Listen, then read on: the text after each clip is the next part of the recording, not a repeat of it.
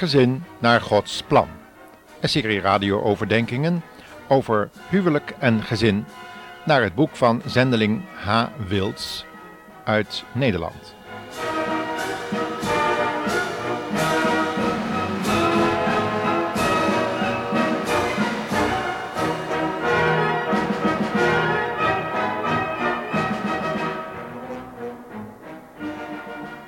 Nadat we in onze vorige uitzending het huwelijk en gezinsleven van Lamech hebben gezien, wat vol wanorde, trots en geweld was, zijn we nu bij het gezin van Noach gekomen.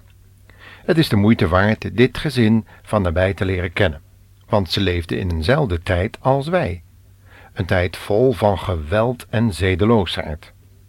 Laten we maar eens lezen wat er in Genesis 6, vers 1 tot 8 over die tijd geschreven is. Het aantal mensen op aarde groeide gestadig. In die tijd lieten de zonen van God het oog vallen op de dochters van mensen. Onder de indruk van hun schoonheid namen ze hen tot vrouw.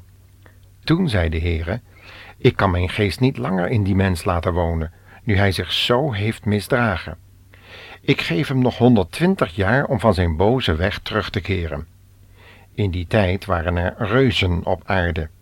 In de ogen van de mensen waren dat beroemdheden, mannen van naam, geweldenaars. Maar de Heere bekeek het met afkeer, dat zondige gedrag van die mensen. Van al hun voornemens zag hij dat de opzet boos was. Daarom had hij er verdriet van dat hij hen had geschapen. Zijn onderdanen ontspoorden en hij was er intens verdrietig over. Hij zei: Ik zal ze uitroeien. Niet alleen de mensen, maar ook de dieren, kruipende dieren en de vogels. Ik had ze nooit moeten maken. Maar in Noach had de Heere een welbehagen.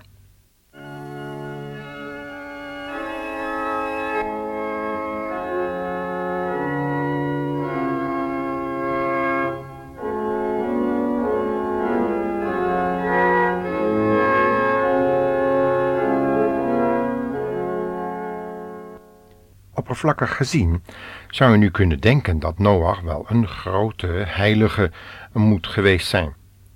Maar zijn geschiedenis bewijst het tegendeel. Maar wat was het dan wat God in Noach aantrok, zodat hij en zijn gezin voor het oordeel behouden werd?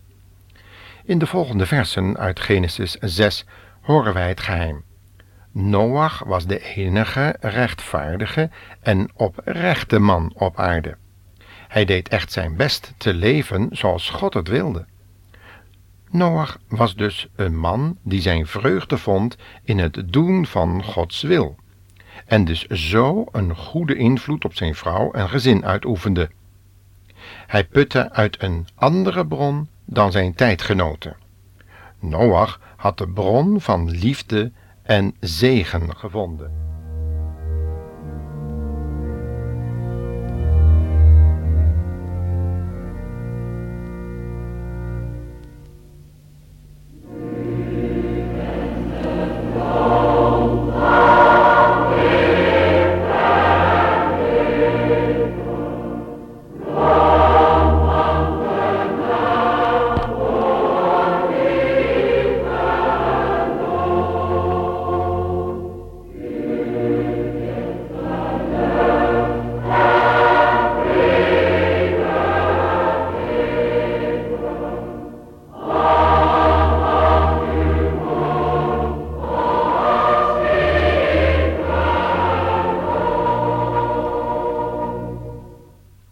Vele mensen zijn op zoek naar liefde en geluk.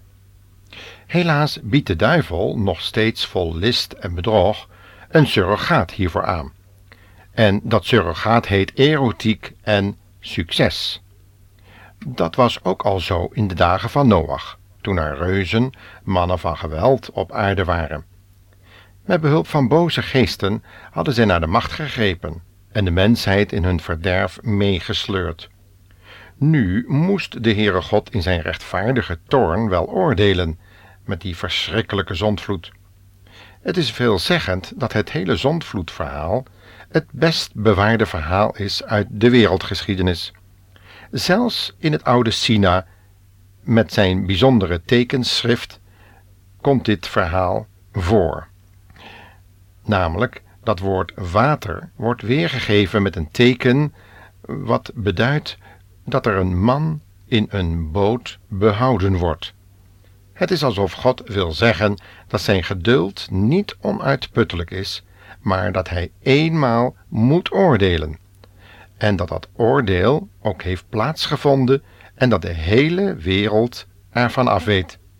Het is niet voor niets dat Petrus heeft gezegd in zijn tweede brief dat het tegen beter weten in is dat het verhaal van de zondvloed niet bekend zou zijn, want bijna iedereen van de schepselen op aarde kent dat verhaal.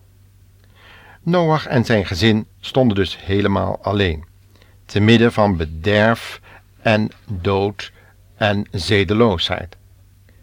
Petrus beschrijft Noach echter als een prediker van gerechtigheid, door de geest van Christus die in hem was. De reeds eerder genoemde schrijver en zendeling Wils zegt ervan, zoals we uit de brief van Judas weten dat Henoch getuigd heeft, weten we uit de brief van Petrus dat Noach gepredikt heeft. Bij beide ging het met gepaard met een godzalige wandel, met een openbaar getuigenis en dat prediken aan ongelovigen. Zo kon ook Paulus de gelovigen opwekken om te doen wat ze in hem gezien en van hem gehoord hadden. En zo behoort het bij ons ook te wezen, luisteraar. Laten we onszelf daarin onderzoeken.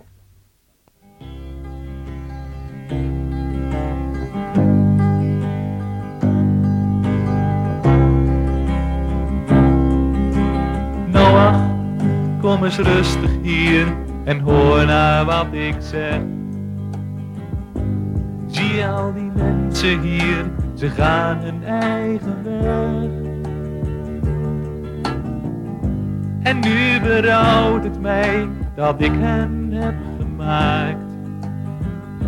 Als straks mijn oordeel komt, dan is het voor hen te laat. Dan zal de regen komen, het land zal overstromen,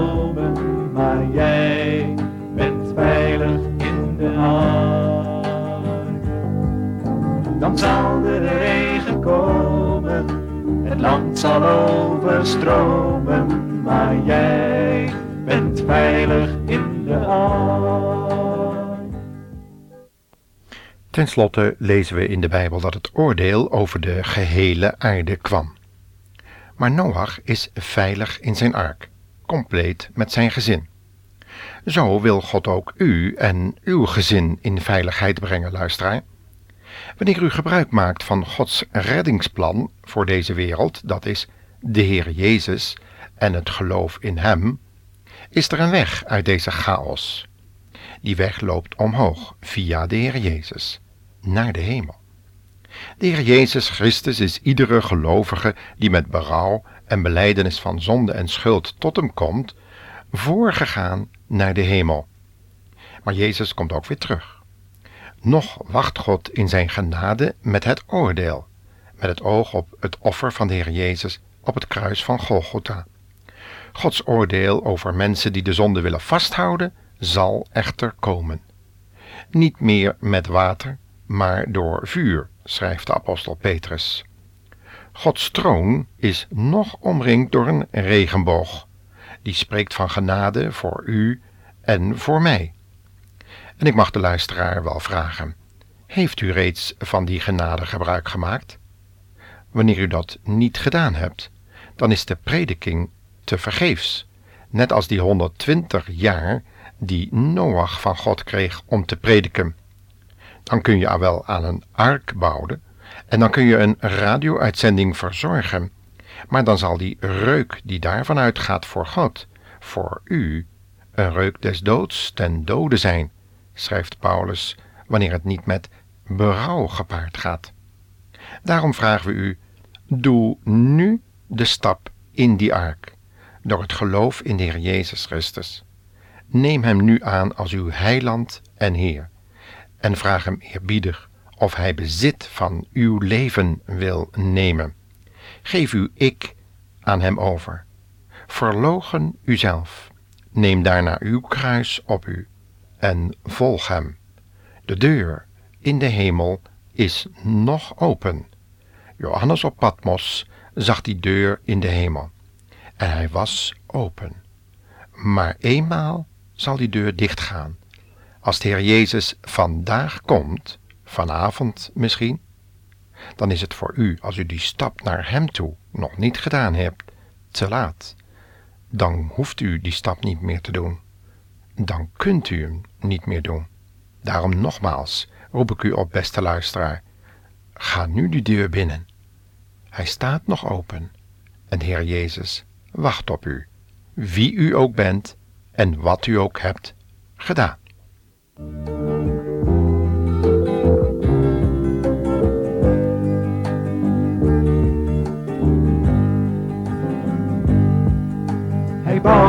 Alle dagen, de mensen bleven vragen, maar niemand die het echt geloven wou.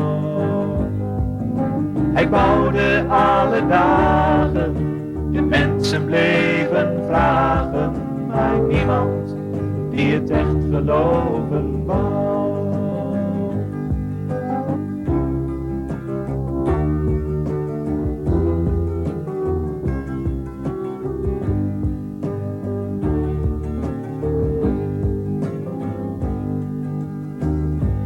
Mensen luister goed wat ik tot jullie zeg.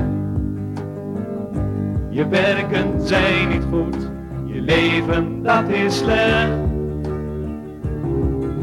God heeft het vast besloten dat je sterven zult.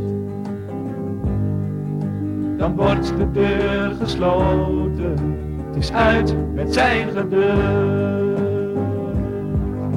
Toch is de deur nog open, je kunt zo binnenlopen, want er is redding in de arm. Toch is de deur nog open, je kunt zo binnenlopen, want er is redding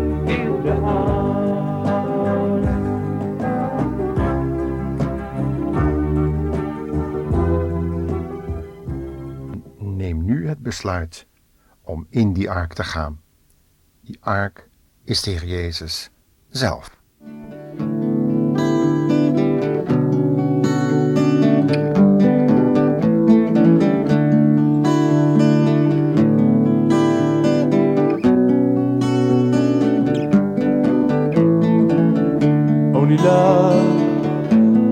Sorrow, no more hatred, no more lies. Only peace, no illusions, no more fighting, no more cries. Only joy, no confusion,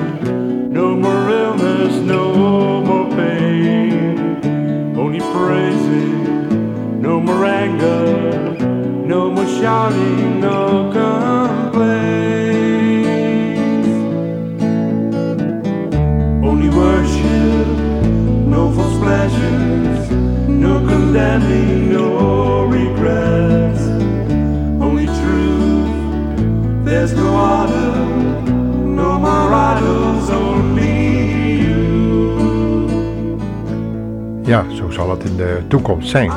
Alleen maar vrede, gerechtigheid, liefde, toewijding van onze Heer Jezus aan ieder die nu zijn leven aan Hem overgeeft.